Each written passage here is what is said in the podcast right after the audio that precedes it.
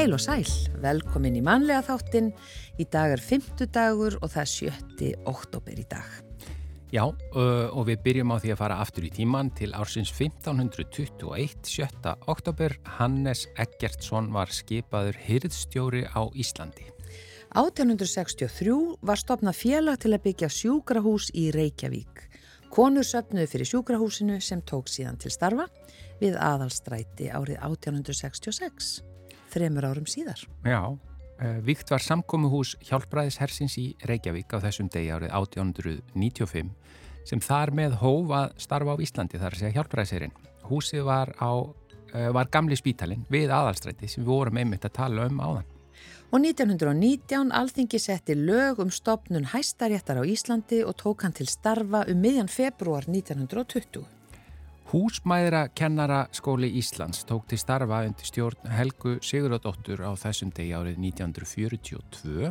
Já, og svo var minnst halvrar aldar afmælis Háskóla Íslands 1961 á þessum degi og var þá háskóla bíóvíkt við þetta tækifæri. Og þar var lengi stærsta bíótjald í Evrópu, þá um 200 fermetrar. Já, uh, hefur áttað á því hvað Háskóla bíó er í rauninni hvað það er eftirmynda af. Já, Já, myndavel. mm, Já, þetta ég, ég var alveg, ég, þegar mér var bent á það, fannst mér það mjög skemmtilegt. já, það sést. Já, já, já, já, það er svona gamaldags flott myndavel með, með svona harmoniku. Uh, jarðstöðin Skignir var tekin í nótkun á þessum degi árið 1980 og var þá komið gerfinatta samband á við útlönd. Já, og svo var bankarhrunni 2008, eh, alltaf nú gaman að minnast á það, alþingi samþykti neyðarlög um auknar valdheimildir fjármála eftirlitsins til að hlutast til um rekstur fjármála fyrirtækja. Og sama dag, sama ár, uh, Geir Horti, fórsetisráþara Íslands, flutti sjómasávarp þar sem hann bað Guð að blessa Ísland, Já. eins og við munum örugla flest eftir. Ein mitt, En uh, yfir í efni þáttans í dag, hvað er sameinlegt með höndum 1500 Íslandinga? Eru Íslandingar örfendari en aðra þjóð, þjóðir? Uh, eru enkenni íslenskra handa mismunandi eftir landslutum og annars líkt klukkan 17.30 í dag fer fram fyrirlestur í veröldi Veröld húsi Vigdísar um rannsóknina Hendur Íslands sem staði hefur frá árunni 2016 og telur rúmlega 1500 þáttakandur og skráningu á þaraleiðandi rúmlega 3000 höndum. Kynntar verða niðurstöður sem verkefni hefur nú þegar leitt í ljós en markmið með verkefni er að sjá hvað einkennir Íslendinga öðru fremur og hvort það megi lesa persónu einkenni íslensku þjóðarinnar í gegnum hendur og lófafólks og við ætlum að fá uh, Jönu Napoli 76 ára frumkvöðul frá bandaríkjónum sem að stendur að rannsókninni og Freyju Eilifu sem að aðstóðar Jönu til þess að segja okkur betur frá þessari rannsókn og íslenskum höndum hér á eftir. á föstudaginn núna verður í beitni útsendingu í sjónvarpinu söpnunar þáttur fyrir Rauðakrossin. Verum vinir er yfirskriftin. Og hann kemur hinga hans Sveinbjörn Finnsson sjálfbóðliði í flótamannaverkefninu og situr einnig í stjórn Rauðakrossins hér á höfuborgarsvæðinu og hann segir okkur frá þessari þjónustu sem flótamönnum er veitt, hvernig hún gengur fyrir sig, hvers vegna hún skiptir máli og já, hvers vegna hann er sjálfbóðliði.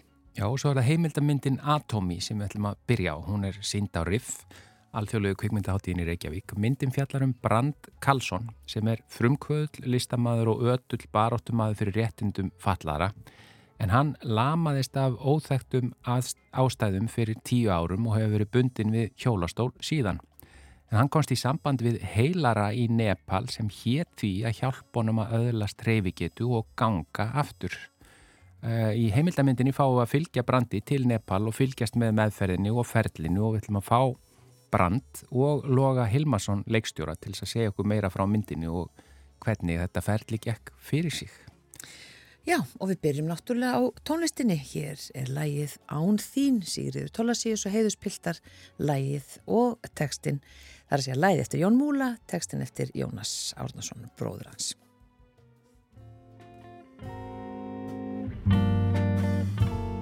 Án þín ég verða myndi voðalegur róni vestur hér á fróni án þín Ég sökva myndi sukk og svínar í því. Því þú mín auðna ert Og allt er kallt og berg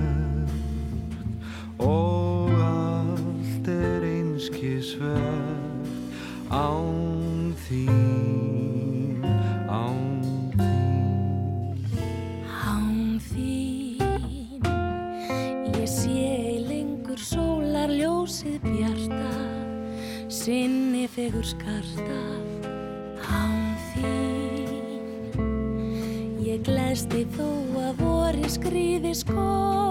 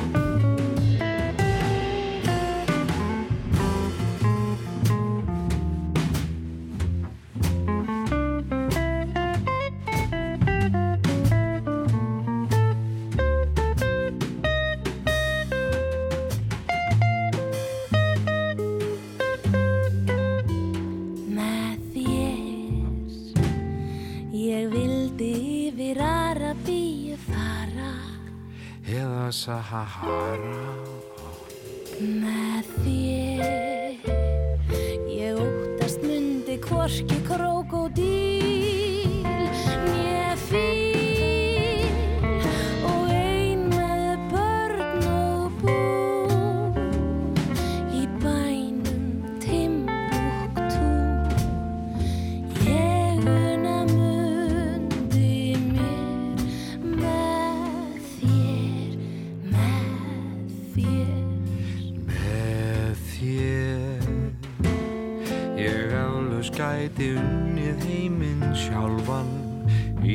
í það minnsta hálfan með þér.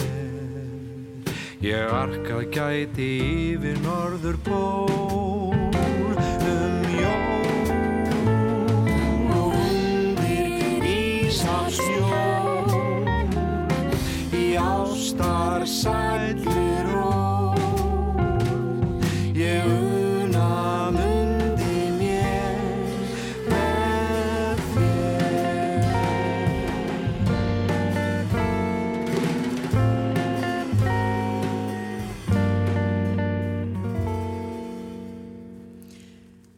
Þetta var lagið Án þín Sigurður Tollasius og Heiðus Pildar sem þarna fluttu, Sigurður Guðmundsson þarna líka, Jón Múli samti lagið og Jónas Árnason samti textan.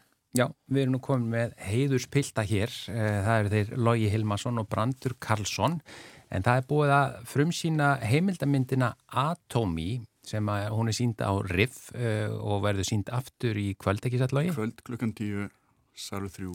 Já, sjálfur þrjú, já. Ekki besti salurinn en, Já, já, eh, en þetta verður gott.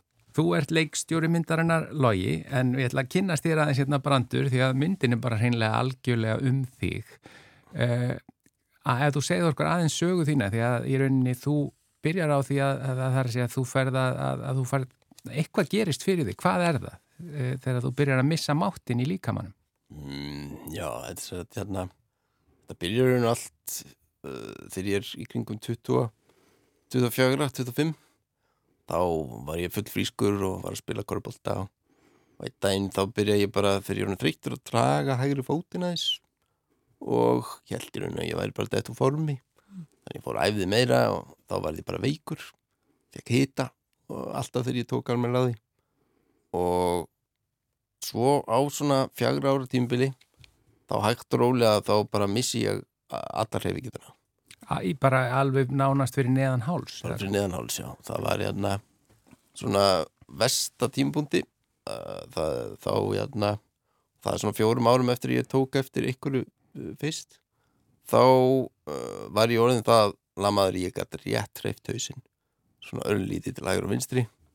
Og ég var farin að taka eftir sko smá máttmingun í andlitunum líka en svo fæ ég síklarlif það var ykkur sem að stakka upp að ég geti verið með uh, Lyme disease mm. sem að er svona flókin sjúkdómur sem að brýst fram á, á fjölbreyta vegu sko, og er erfitt að greina. Já, þar leðandi, þetta er náttúrulega allt annað í dag sko, hérna, fleiri Íslendingar hafa uh, fengið, fengið Lyme disease og læknarinn vita þessu núna en, en við vorum bara óeppin En Ég það var þá- sem sagt það sem að var að eða hvað? líklega, líklega, það er eina ákískun Já, það fannst aldrei alveg 100%. það er sko einhvers konar veira hefur komið inn uh, eða bakterja og náðu að gera svolítið skada í heilastofnunum Mm. þetta er svona svo kenning sem að mér finnst sjálfum líklegust Já, og uh, þessi skaði gerða verkum að það verður alltaf erfiður og erfiður fyrir, fyrir mig að reyfa mig Mm.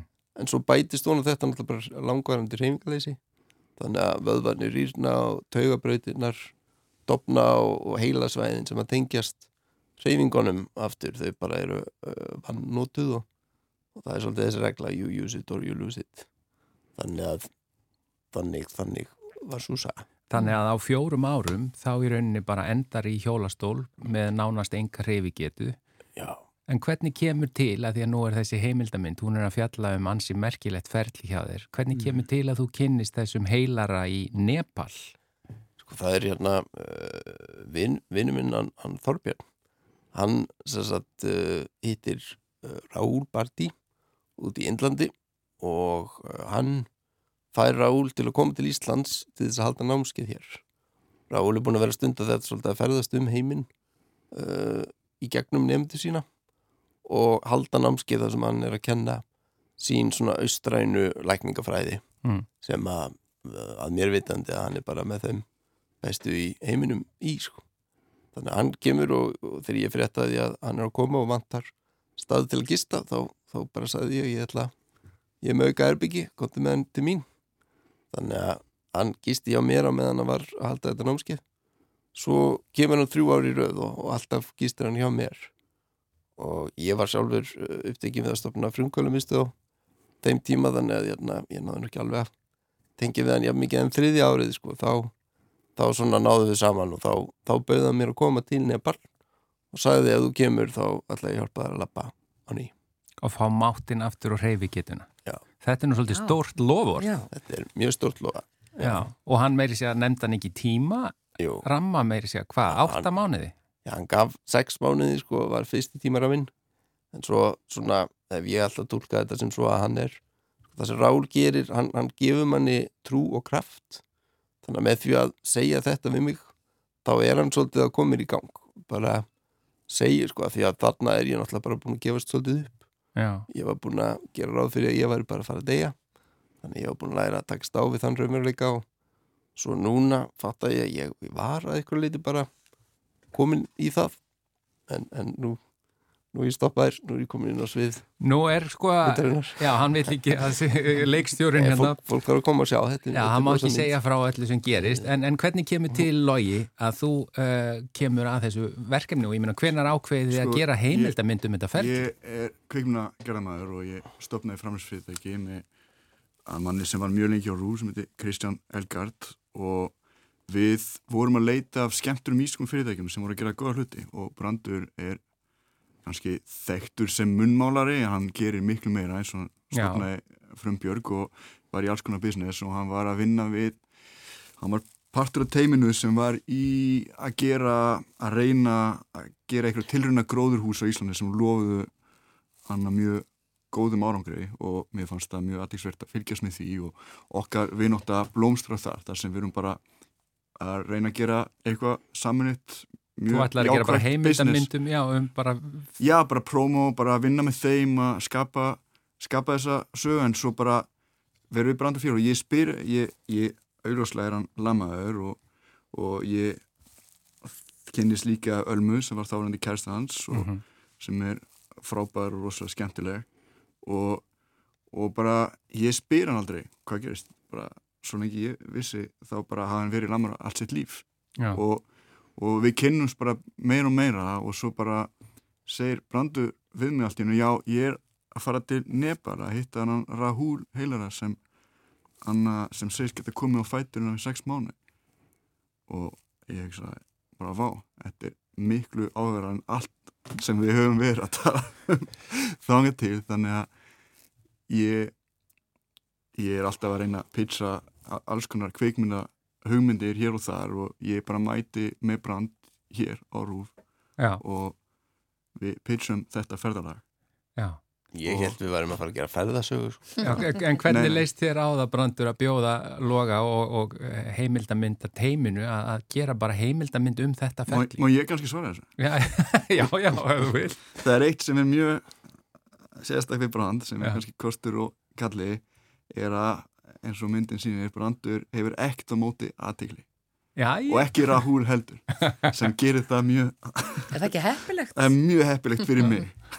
Það, Já, þetta er samt sko ég, hérna, það var ekki alltaf þannig. Þetta, þetta kom uh, fyrir mér til ég byrjaði að verða listamæður uh, Já. Þá, já, og mála eins og þú segir munnmálun, þú málar málverk með munninu. já, Já, það er hérna þannig sem ég byrja listin en ég er búin, ég er búin að vera að leika með alls konar í dag. En mér, mér fannst svona eitt hlutverk mitt sem listamæður var að, að bjóða aðdegli velkomna.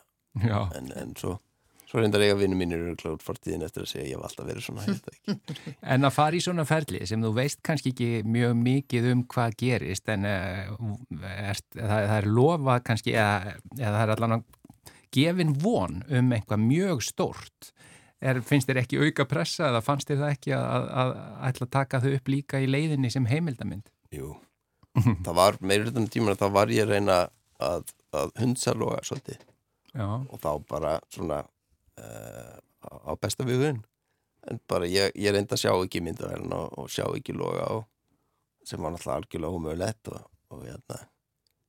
Og ég var örgulega eftir að melda það allt saman betur lengt tíma en, en, en fyrir mér var sko við, við gerðum annað verkefni á undan það var svona uh, fljúandi hjólstóll paraglætt uh, stóll og kjölfæra því þá fekk ég alltaf svo rosa jákvæð viðbröð þannig að það var svona ákveðin kvatning að ef að ef ég gæti nú látið mig fara í gennum þetta allt saman að, að það kæmi örgulega eitthvað stórkostlegt út úr þessu og, og þetta búið að taka þrjú ár og, og hérna það er búið að vera ótrúlegt að, að fylgjast með og að fara í gegnum þetta og að fylgjast með loga, fylgjast með þér. fylgjast með loga, fylgjast með mér og einhvern veginn þetta er búið að vera mjög ágvörð svona eitthvað feedbackferli og því að í gegnum þetta þá er login alltaf bara búin að vera rosa stór partur af mér og mínu ferli og, og ég náttúrulega er, er mjög ákveðin í eh, mínu missjóni en, en það að hafa loga með hefur náttúrulega bara svona innsiklað þetta af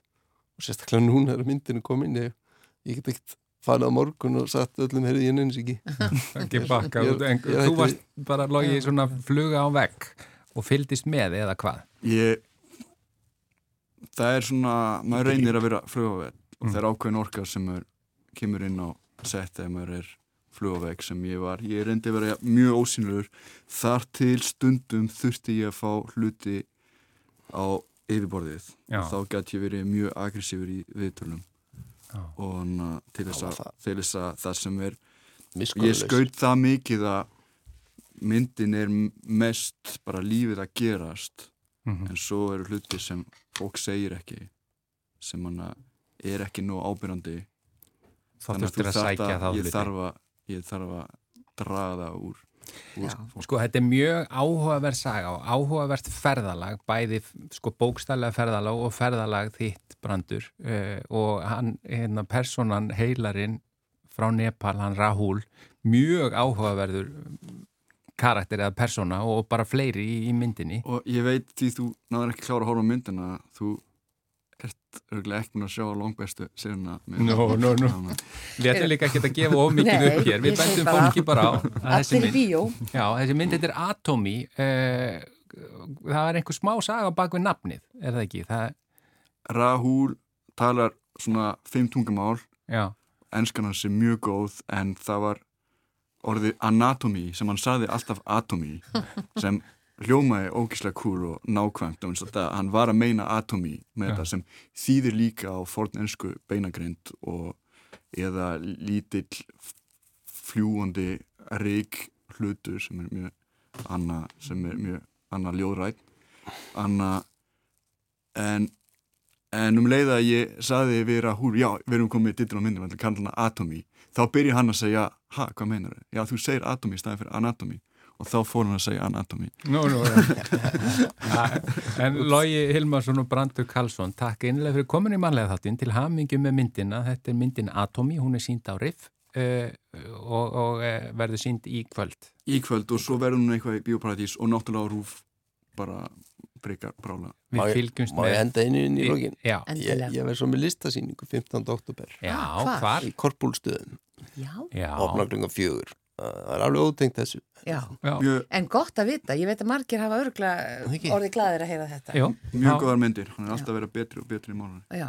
já, og segðu aftur dagsendingunni á Korpúlstöðum 15. oktober. 15. oktober opnar í Korpúlstöðum Já. bara saman tíma á listatorkið eh, er þar það verður mikið um að vera Já, laugadagur. Já. Brandur Karlsson og Lógi Hilmarsson takk einlega fyrir komin í manlega þáttinn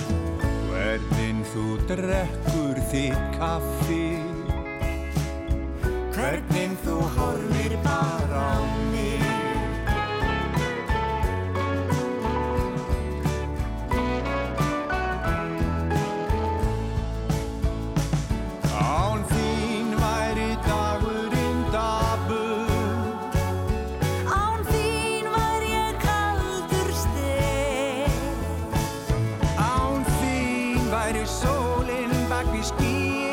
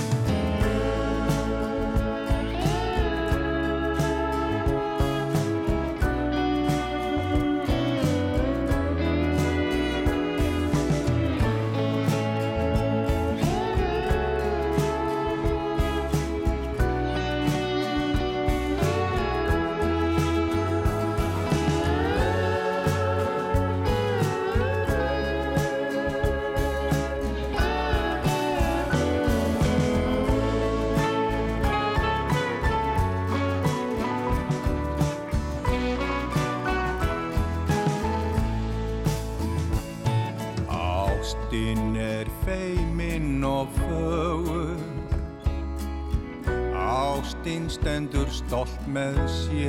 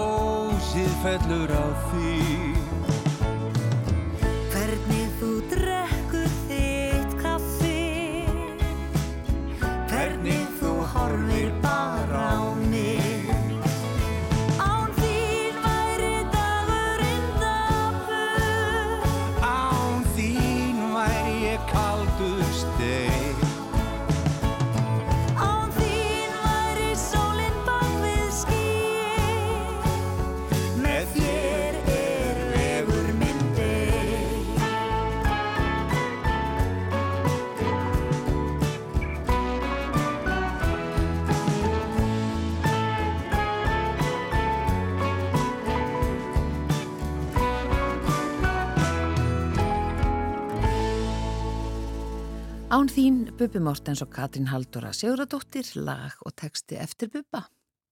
Já, eins og við sögðum frá í upphafi, þá verður í dag klukkan 17.30 uh, fer fram fyrirlestur í Veröld, húsi Vigdísar, um rannsóknina Hendur Íslands.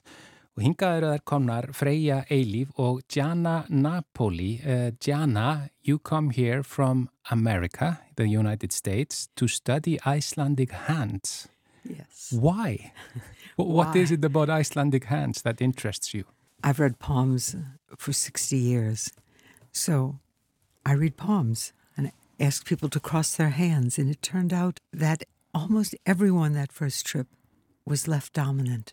Ég spurði Jönu af hverju hún kom til Íslands frá bandaríkjónum til að rannsaka íslenskar hendur. Hvað er það við íslenskar hendur sem vekja áhuga hennar?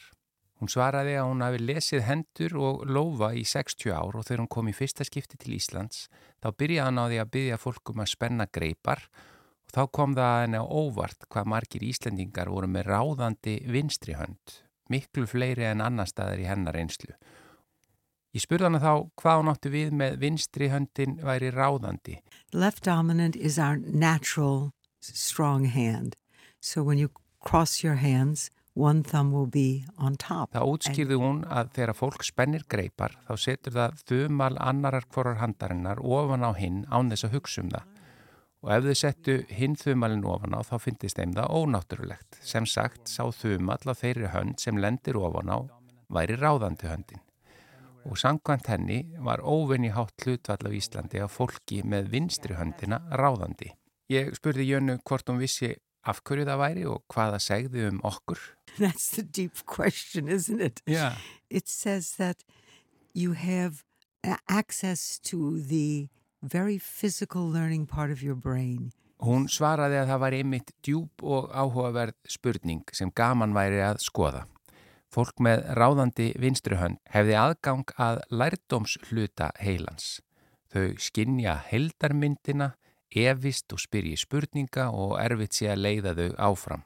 Þau skilja húmor og heillast bæði af frumspeki og eðlisfræði. Before we started recording here, you took my palm and you read into it or, or Yes. what you... A basic quick, what do I see without my glasses on? Yes. Yeah. Og áður en við hófum upptökuna þá skoðaði Janna lófan minn. Ég spurði hana hvað hún geti séð út úr því að skoða lófan á fólki. Hún segist sjá persónuleika fólks með því að bera saman ráðandi höndina við hína. Þá sæði hún hvaða hefur gengið í gegnum til dæmis heilsufarslega og í rauninni segir hún að hægt sé að lesa inn í ótal hliðar fólks með því að skoða lófa þeirra og neglur. But is this like like you sometimes we, we see or maybe read about and or we see in movies where where the a person reads someone's palm and can see their future or when they will die? I mean, is it is it this kind or is it No. just the characteristics? and- It's, it's about the state of being of the person in front of me. Ég spurði hana þá hvort hún geti séð inn í framtíð þeirra sem hún er að skoða hendurnar á og spáð fyrir um framtíð þeirra. Hún segir svo ekki vera. Hún sjáu frekar ástand fólksins og hver enginni þeirra eru. Hún sér persónuleika þeirra en ekki framtíð þeirra. Það er annars konar lóvalestur. But uh, what, do you hope to get from this uh, research? Uh, just to know Icelandic people better or... It's a, a microcosm of a very varied microcosm of people, so that I was curious. I just wanted to understand how it worked. Was it true? Were they really more left dominant? Did they? Ég spurði hana þá hvað hún vildi fá út úr því að rannsaka íslenskar hendur. Til að byrja með vildi hún fá staðfest það sem hana grunaði að óvinju hátt hlutvall Íslendinga væri með ráðandi vinstri hönd. Og henni fannst áhugavert að geta rannsakað svona lítið samfélag því hér getur hún náð marktæku úrtæki af þjóðinni og það heitlaði hana að kanna hvort hún gæti greint mismunandi persónuenginni þjóðarinnar með því að skoða hendur Íslendinga. Thank you, Jana. Uh, Freyja, Já. uh, þú ert að aðstóða Djönu og ertu búin að aðstóða hana núna í þessari rannsókn? Já, ég hef verið að fylginni núna í tvö ár við handasöfnunina sjálfa sem er alveg heilmikil vinna í raun að sapna sagt uh, hverju manneski fyrir sig. Jana hefur verið að lesa í hendur fólks gegn því að þau gefi sagt ljósmyndir af höndunum sínum inn í gagnabankan okkar sem við nótum síðan til að búa til tölfræðilegar upplýsingar um hluti eins og hvor hendi er ráðandi og síðan uh, hvernig neglur fólk hefur og hvort fingur séu lengur en lófar og ýmislegt slíkt. Hvernig kemst þú, uh, segja, hvernig kemur þetta verkefni til þín? Hvernig lendir þú í því að, að hjálpa henni við þetta verkefni? Það er í raunin bara þessi áhugi á handa og lófafræði sem leiti okkur saman og þá var Janna að sapna ljósmyndum bara í rauninni á aðeins uh, persónulegra hátt bara á símansinn og emitt komst á snöðurum að það væri kannski eitthvað áhugavert að sjá hérna í þessu litla úrtaki sem við Íslendingar erum og núna erum búin að láta smíða svona ljósmyndakassa sem við notum til þess að allar myndinar séu stiltar eins og þannig hægt að lesa þær betur. Og sko þessi fyrirlestur sem verður á eftir klukkan 17.30 í húsi, að vereld, húsið Vigdísar Er, eru þið að fara að kynna einhverja svona almennilega niðurstöður úr þessu eða bara svona hvernig gengur hinga til og, og óska eftir fleiri höndum inn í rannsóknuna? Þetta er í rauninni bæði um, að vera með úrtak 1500 einstaklinga gefur okkur einhverja mynd og við erum strax búin að sjá ímislegt áhugavert sem okkur langar að kynna og segja frá og erum með skífuritt og tölfræðileritt yfir alls konar mjög spennandi upplýsingar sem ég langar ekki að gefa upp akkurat núna. Það viltu gefa okkur eitthvað smá ég, e, e, þó þannig við eiginlegjum ekki alveg efni fyrirlestrar eins og eftir en er svona Einmitt. aðeins að gefa okkur smá nasasjón. Sko það er nefnilega það sem er áhugavert við þessar rannsókn og ég, þetta kemur náttúrulega frá Jönn og hennar drivkrafti sko út frá handa og lofafræði en síðan hefur í rauninni um, verkefnið um, merkingu í rauninni inn í þjóðfræði og mannfræði, líffræði og erðafræði og það er svo margt spennand að sjá núna þegar við erum komið með svona margar hendur inn í safnið. Þannig að það er ekkert að skoða hvernig hendur hafa þróast á kunnum svæðum, hvernig það er erfast, hvaða svæði hafa sín sérstökur sér enginni og svo er það líka þegar maður horfir á svona margar hendur og þá kennst maður í ykkur svona snertingu við hvað hönd er magna líffari á okkur, á búknum okkar. Hvað er það við hendur? Af hverju er hægt að lesa svona mikið út úr höndum okkar? Það er í rauninni bara um, svona dularfullt og um, í rauninni mjög eðlilegt í sann af því að þetta er í næstuði eins og okkar annað andlit. Við erum með andlitið okkar og gefum söbriði með því og svo erum við að tjá okkur með höndunum og gerum allt með höndunum og erum með, með þetta innsikli í lófunum sem að er svona sérstakt og það eru fingrafurinn okkar og öll þessi teikning sem er inn í lófunum sem að er ekki eins á neinum einstaklingi. Já, þetta er mjög áhugavert. Eh, ég, er forvitin að heyra meira og þið segið meira frá á eftir semst í veröld, húsið viktisar, klukkan 17.30 í dag. Eh, er, er þetta opið fyrir alla og kostar eitthvað inn eða? Það er ein, já, aðgangur er ókipis og það er sæta pláss fyrir heilmarka þannig að ég hveit bara alla sem hafa áhuga á að koma og fá einmitt insinn inn í þennan stórkostlega heim handa út frá öllum þessum sjónarpunktum við mitt. Við erum búin að vera dútla við fyrirlesturinn og setja alls konar skemmtilegt inn í hann sem að hefur orðið á vegi okkar og svo er bara gaman einmitt að fá að heyra Jönu einmitt, segja meira frá öllu því sem hún hefur uh, einmitt svona þekkingu sem hún er búin að sanga að sér alltaf þessi ár sem hún hefur verið að stútira hendur. Og ef einhver hefur áhuga á því og mætir á eftir, getur hann þá bóðið sér fram og, og, og þeir takki mynda höndunum á henni eða honum? Ekki á fyrirlestunum, nei. Það er aðeins meira fyrirtæki heldur en svo. já, já. Takk innilega fyrir komuna í manlega þáttinn Freyja Eilif. Thank you very much, Jana Napoli, uh, for coming on our show and good luck today. Thank you.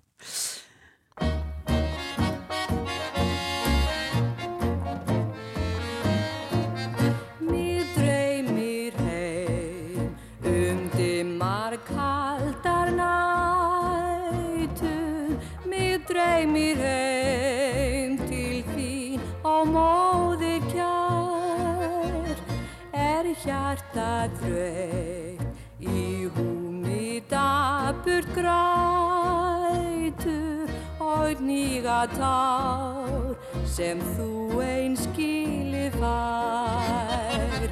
Og þegar blessu sólinn gegnum glugga með geyslum sínum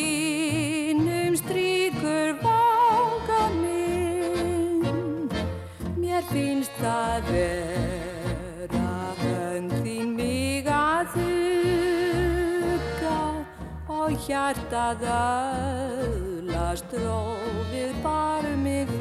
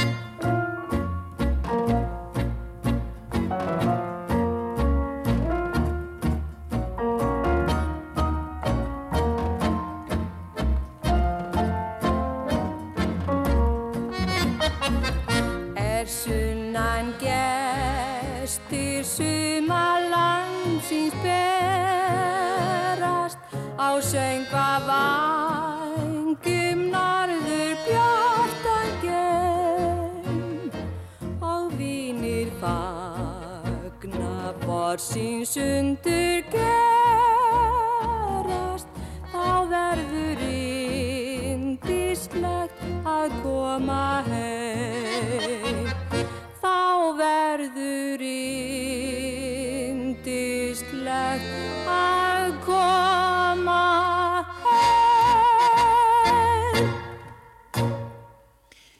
Heimþrá Erla Þorstins dóttir söng og við einmitt fengum þær frétti fyrir nokkrum dögum að hún hefði látist á hjókunaheimili í Holbeck í Danmörku 25. september þekkt sem stúlkan með e, lævirkjaröddina og e, já, Já, að öðru hér við ætlum að eh, ræða við sjálfbóðliða frá Rauða krossinum. Það er framundan eh, stóra mikill sjónvastáttur, söfnunatháttur fyrir Rauða krossin næsta föstudag.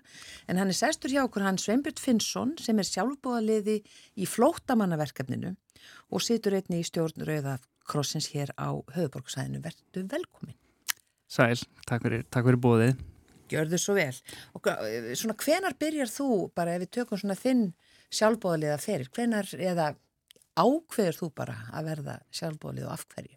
Einmitt, ég hóf mín svona sjálfbóðarlega störf hjá Rauðakrossunum, ég ætlaði að gera 2016, þannig að þetta er komin nokkur ár og hefur verið í svona ímsum, ímsum verkefnum en svona aðalega í svona flótamannaverkefnum eða sem sagt verkefnum te tengt flóta fólki og hefur svona verið í hinn og þessu en aðalega því og svo er ég núna einmitt komin í stjórn hjá Rauðakrossunum hérna á höfuborgsvæðinu það sem að fókusin í þeirri deild er einmitt svona flóta fólk og svo svona skadaminkunar verkefni en, hvernig kom til að þú ákvast að að gerast uh, sjálfbóðali?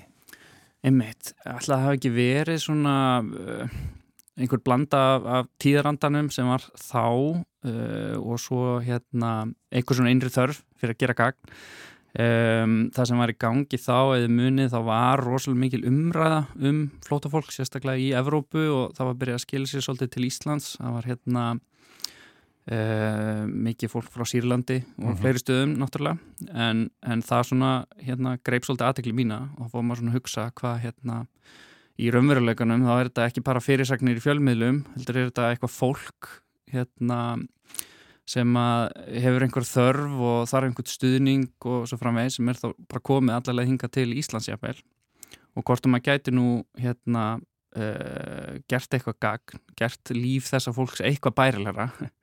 Um, þannig að ég bara sló til og hérna kynnti mér aðeins hvað Rauðikrossin var að gera og sá að loka um þetta hérna spennandi verkefni sem að ég uh, skráð mér sem að var svona kallast í dag svona leiðsögu vinur þar sem að sjálfbóðli eins og ég var sem, sem paraður við uh, flottumann sem var þá komin til Íslands komin í gegnum kerfið svona eina gæslappa og var komin með þess alþjóðlegu vernd. Og alltaf er sem bara komin inn og er að koma sér fyrir.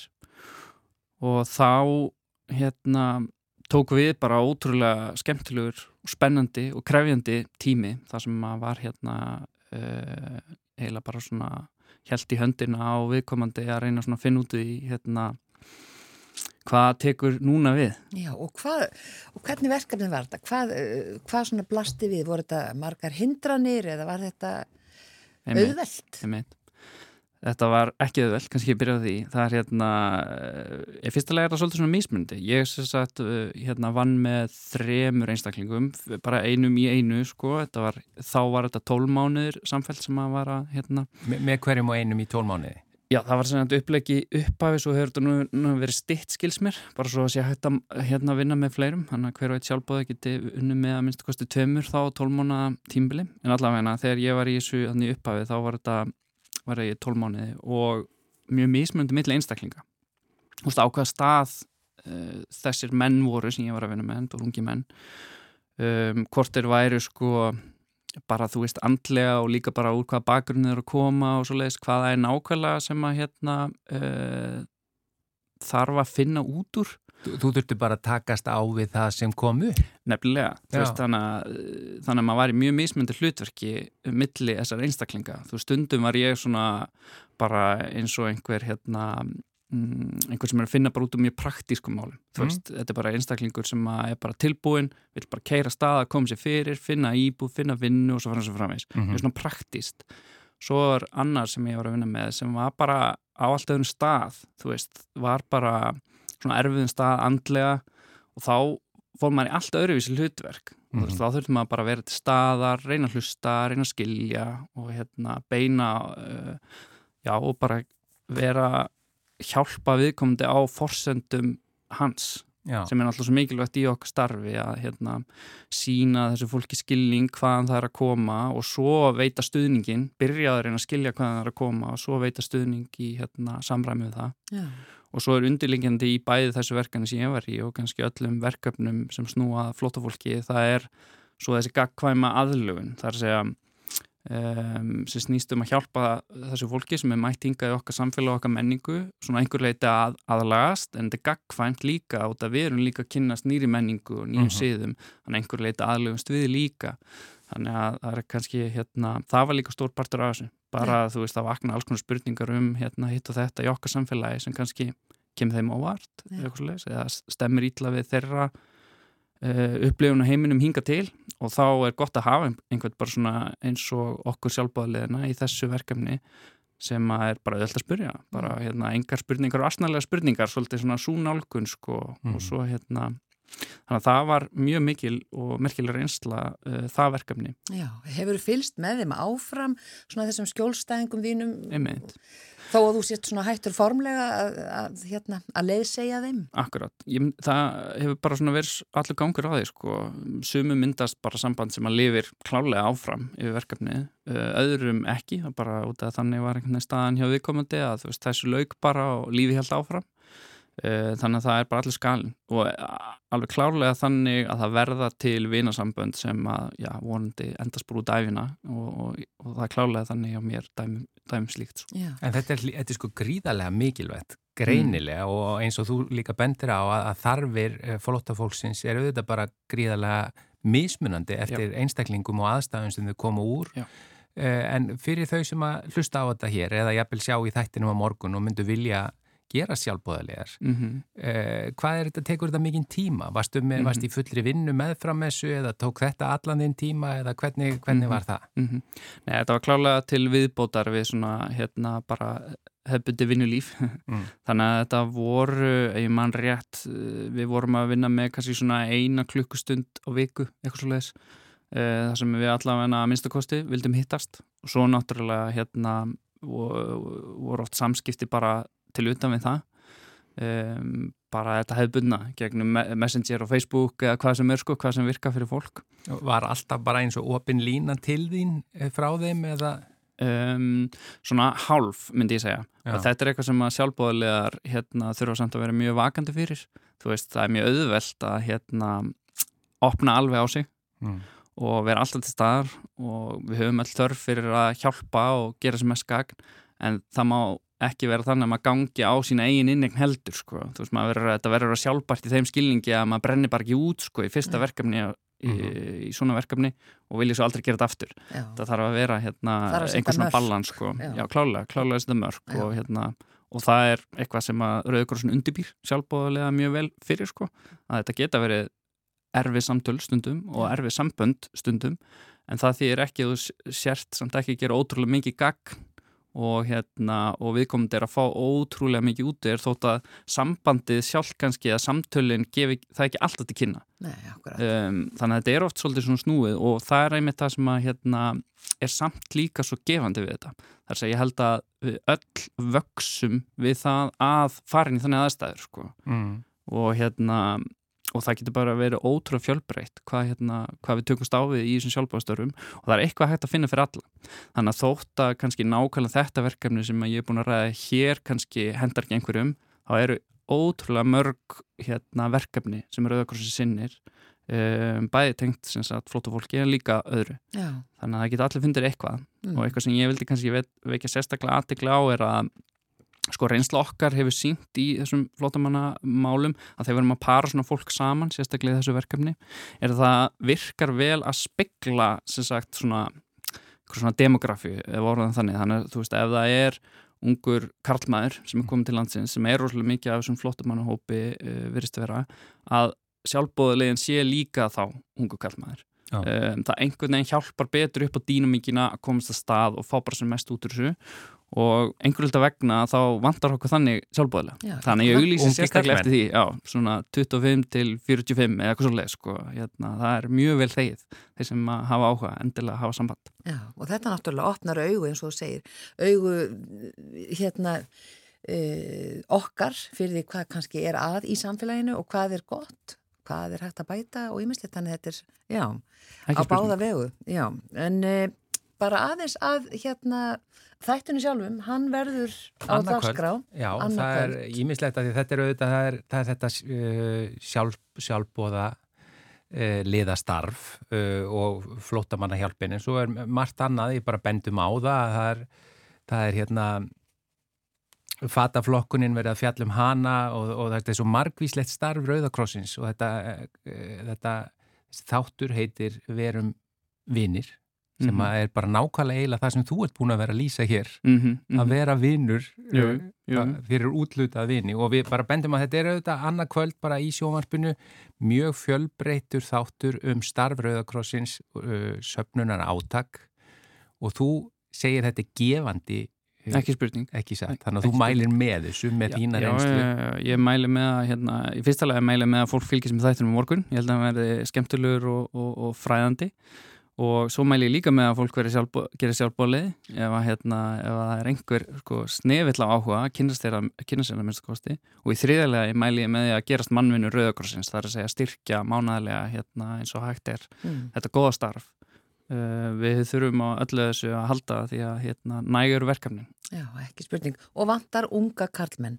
Já, algjörlega, eins og þú algjörlega. varst að taka fram. Já, En held sem meira og minna þeir sem slusta á þáttin Já, mannlega já. þáttin, það eru ungi kallmenn Er það ekki? En takk fyrir komina Sveinbjörn Finnsson sjálfbóðaliði í flótamannaverkefninu og uh, svo starfar í- við viðskiptaþrón hjá landsvirkjun og situr í stjórn Rauðakrossins á höfðbrókusvæðinu.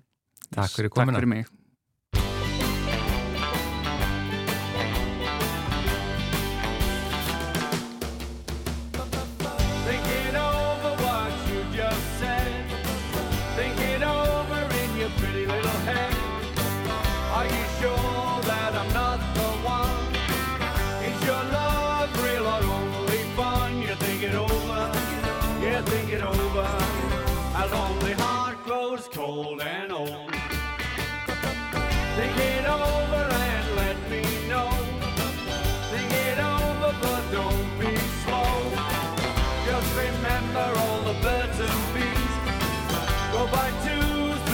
Mysteries. You think it over, you think it over. A lonely heart grows cold and old. Ah, play to me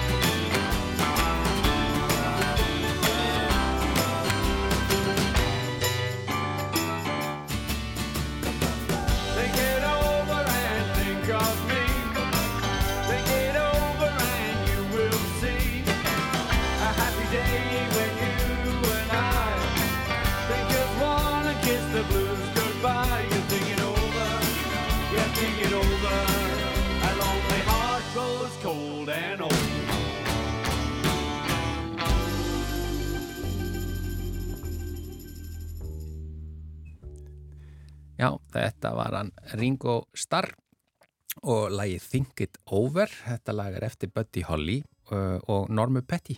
Já, en við e, segjum þetta gott í mannlega þættunum í dag, við verum hér aftur á morgun, föstudagsgesturinn okkar er engin annar en Ólafur Darri, leikari Já. og hann hefur nú frá mörgu að segja.